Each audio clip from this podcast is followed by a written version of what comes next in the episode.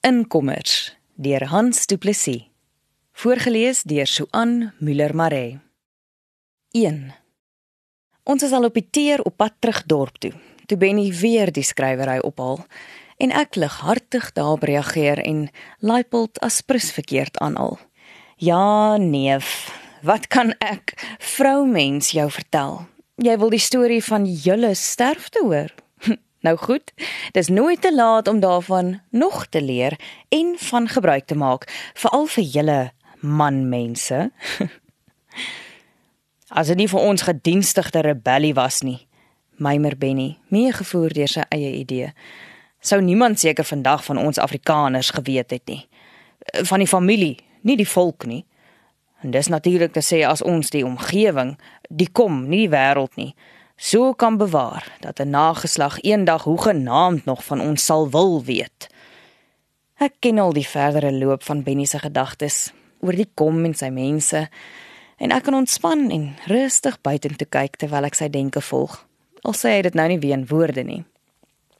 Ou Boet Johnny, meen Benny, beweer weer as dit nie vir 'n paar wysneuse was wat kon verklaar het dat ons gat in die middel van die plat hoëveld glo veroorsaak is deur 'n gewigtige klip uit die niet nie sou die blerrie regering vandag nog nie eers van die kom geweet het nie. Asof die Vredefort koepel voor die kom bestaan het. Ek wat plakker prinsloo is besef skielik dat selfs die naam koepel die wêrelderfenisgebied vir die kommers 'n inkommer woord is wat man net nie mooi lê plek in hulle kollektiewe leksikon kan kry nie. Dis te nuut. En dit klink daarom al te veel of dit nou skielik almal se plek is. Die waarheid lyk dit vir my is as dit nie vir die komse mense was nie, was daar vir hulle nie 'n kom vandaan nie. Benny se stem dring weer tot my deur, maar eintlik is hy net hardop aan die dink. Vat nou maar, redeneer Benny by wyse van voorbeeld. Iemand so Pietman sommer. Pietman se ma, my sus Nonnie, was 'n Afrikaner, een van ons. Maar Pietman se pa, Groot Piet, was 'n aankommer. Die Afrikaners het amper 2 eeue gelede, glo saam met Hendrik Potgieter se trek van die kolonie af, hier aangekom.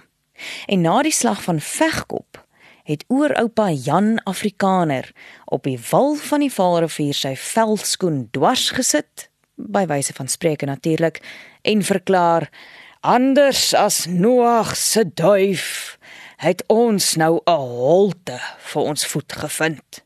Die Here het ons met 'n doel hier geplaas. Oupa Jan wou die onbekende kom tussen die onverwagse berge glo die holte noem. Maar die bakhand gegigel onder die jonges het hom laat besluit om dit eerder die kom te doop. En vir ons wat hier woon, is dit vandag nog die kom. Al sê UNESCO wat. Die Afrikaners laat hulle nie gesê nie. Ek, Plakker Prinsloo, is nie 'n gebore Afrikaner nie.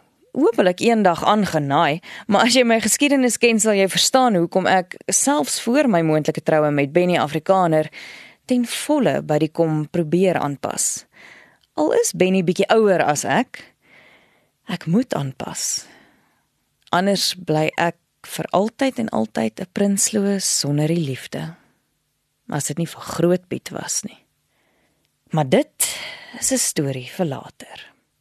Hier weerskant van die Vaalrivier, tussen die konsentriese per ongeluk berge, het oor oupa Jan glo kom staan en 'n burgerplaas wydspeen oor die rivier in die vier windrigtings vir hom afgestap en by die landdros op sy naam laat aanteken. Oor oupa Jan moes sy perde 'n bietjie vinniger as stap aangeboor het of die landdros was een van Benny hulle se mense. Want die oorspronklike kom was volgens oorlewering by die 6000 morg. Dieselfde oorlewering wil dit hê dat oor oupa Jan Afrikaner by Vegkop voor die geveg weggejaag het en by die vrouens gaan skuil het. Of dit waar is, betwyfel Benny want almal weet mos dat as gevolg van familielede soos Pietman en Johnny en sy Markie se manewales kon allerlei mites oor die Afrikaners later soos oggendmis tussen die berge begin ronddryf. Dit is nie dat iemand soos ou Pietman ooit sleg bedoel nie, maar as 'n mens se begrip nie altyd in pas is met jou goeie bedoelings nie, word selfs die bedoeling om 'n verskil te maak beskinder.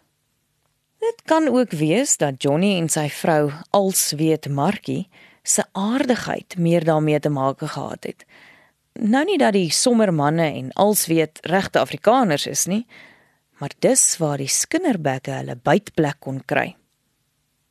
Aan die ander kant met 'n pa soos Groot Piet Sommer, is dit 'n uitgemaakte saak dat jy soms dinge verkeerd sal vertolk, veral as jy met so 'n verleë mond soos die van arme Pietman gestraf is en ook jy geseënd is met 'n joviale, innemende persoonlikheid soos jou pa Groot Piet nie.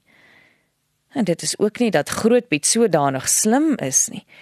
Hy kon glo ook met moeite en goeie notas aan 'n rekkie in sy skoolbaadjie se linkermou destyds darm standaard 8 op sy gatvelle deurskraap. Miskien het slim ook nie noodwendig met intelligensie te maak nie. Stories wou dit hê dat oupa Piet se aandkuiertjies by Groot Piet se registerjuffrou ook so 'n bietjie kon gehelp het. Maar of dit waar is, weet Benny tot vandag toe nie. Want hy het Groot Piet se pa nooit geken nie.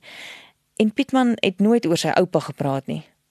In elk geval moet 'n mens alles wat Groot Piet kwytraak met 'n slop emmer sout neem soos dat hy glo by die koöperasie op die dorp as 'n dieselwerktuigkundige gekwalifiseer het en later in sy eie woorde onder die tafel deur een van die koöperasies se trokke gekoop het en 'n floreerende transportbesigheid opgebou het. Dan het hy joviaal gegrinnik en met 'n knipoog bygevoeg en met 'n bietjie vloeibare onderhandelinge 'n vervoerkontrak by die ou pad vervoerraad losgelieg. Eers toe groot Piet vir sus Nonnie sy bruid maak, vertel Benny, het ons hom leer ken. En agtergekom dat Nonnie hom toe ook nie regtig geken het nie, maar te bang was om vir een van die Afrikaners te sê dat sy swanger geraak het toe sy na matriek vir 'n paar maande dorp toe is om by die koöperasie te gaan werk terwyl sy op haar uitslaaf van die her in Engels gewag het. Toe het Benny my later vertel, het sy uit ordentlikheid in die geheim met Groot Piet sommer getrou net voor Pietman se geboorte. Dit was te laat vir hulle om haar teen die olierige mannetjie te waarsku. Hulle moes hom toe maar in die kom aanvaar toe hy na Nonnie en Benny en Johnny se pa, Gert Afrikaner se dood op sis Nonnie se erfdeeltjie kom boer het. Ryk geboer het. Met wat weet niemand regtig nie. Want Nonnie het aanvanklik glo met hoenders probeer boer terwyl Grootpiet tussen boere op die Hoëveld se milies diamante laat soek het. Ja, laat soek het. Want Groot Piet se enigste werk is nou nog om ander mense vir hom te laat werk. En dit werk.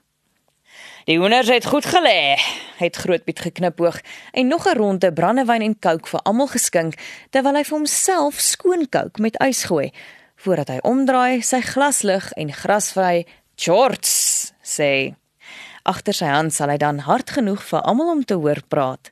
Ou nonnetjie, ek het darem 'n paar grootes raak gedelf. Knipoog.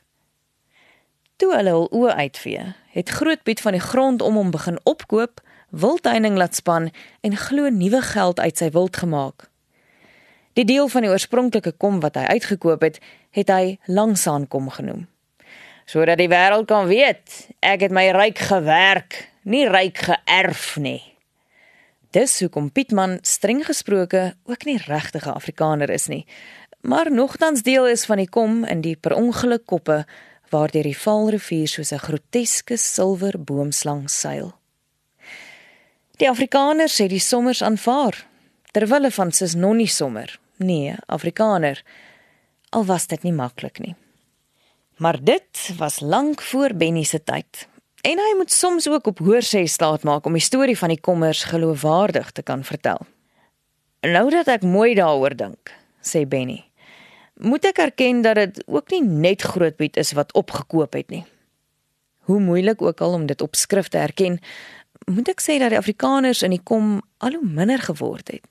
En deesdae is regte Afrikaners in die kom so skaars soos groen wit stinkhoutblare in die winter. Daarom moet selfs my Benny met 'n swaar hart erken, is dit vandag nie meer net Afrikaners wat in die kom woon nie. Soos Mara de Wit se mense wat op 'n groot deel van die oorspronklike kom gewoon het en al die grond tussen hulle en Grootpiet uitgekoop het sodat die nuwe kom en langsaan kom vandag aangrensende wildsplase is. Dit wil daarom nie sê dat die res van ons van ellende krepeer nie.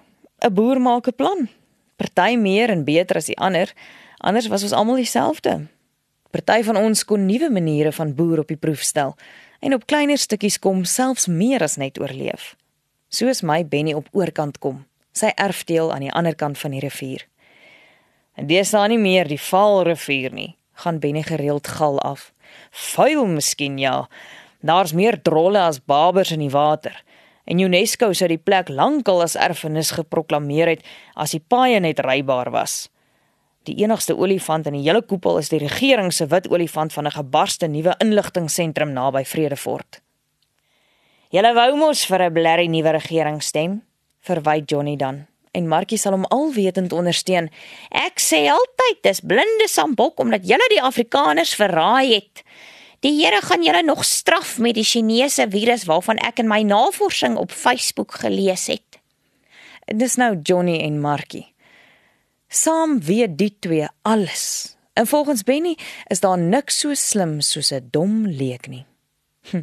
My Benny sê elke vorige geslag se patriarg het vir sy eie nageslag die grond versnipper. Nou voel ons 'n bietjie so splakkers op ons eie grond. Steeds sentimenteel versot op wat vreemdelinge van ons grond laat oorbly het. Ek stem saam en ek behoort te weet, want ek en my liewe Benny Afrikaner hou die hele lot dop en ek skryf oor hulle. Wat ek nie geweet het nie, het ek by Benny gehoor of een van die ander het my vertel. Die Afrikaners van die kom is goed met 'n storie. Daarom, my liewe leser, hoef ek nie alles self te vertel nie. Maar jy sal soos ek, toe ek die eerste keer in die kom gekom het, ook die mekaar raak met wie nou eintlik wie is en hoe die wat vandag nog hier is hier beland het. Selfs die regte Afrikaners het nie meer gebly waar hulle aan die begin gebly het nie, soos my Benny. Volgens hom was hulle pa, Gert, die laaste Afrikaner wat kommersieel op die kom aan die noordweste kant van die Vaal geboer het. Hy wat Benny is, boer suid van die rivier, daarom nog op oorkant kom. En as Johnny nie so onnosel rebels was nie, kon hy natuurlik ook nog op die kom geboer het. Die ouer Afrikaners het hulle erfgrond al langs die oewer in reepies opgeknip, sodat dit vandag net soos vryings aan 'n handdoek op die wal van die rivier hang met naweekplekkies vir vermoënde plakkers. Die wat daarvan omgewingsbewaring minder as dadels kom. Te veel kenners sonder kennis wat met 'n mislukte regering oor 'n belangrike saak soos die Vredefortkoepel onderhandel en van bewaring 'n politieke slagspreuk maak.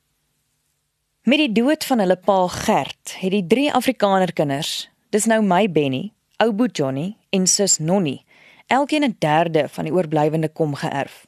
So amper 300 hektaar elk. Johnny die sentrale deel met die ou opstal Benny die stuk oor kan die rivier oorkant kom aan die Vrystaatkant. Sis Nonnie die stuk aanderkant Grootkop. Maar sy was toe nog op skool en is eers daarheen toe sy met Grootpiet sommer getroud is. Eintlik was nie een van hulle al getroud toe pa Gert oorlede is nie. Dit was eers na Johnny en Markie Lou se troue dat Benny oorgetrek het om permanent op oorkant kom te gaan woon. En Johnny en Markie in die ou huis ingetrek het. Toe, vertel Benny, het hy en sy eie sinnige ou boet nog minder as vroeër gestryk, veral met so 'n beter weterige vrou soos alsweet Markie. En alwaar Markie weet als deesdae boer, kla my liewe Benny uitgewoonte, is op Facebook en WhatsApp om haar dag en nag om te kry met fopnuus, flou, vuil en rassistiese grappies wat sy ter wille van haar bietjie gewete afwissel met Bybelversies. suur druiwe my lief treiter ek hom dan omdat ek weet hy weet dat ek die storie van hom en Markie en sy broer Johnny en die verlies van die kom sal neerskryf miskien darm met 'n bietjie minder bitterheid en so 'n steekie borduursel van my eie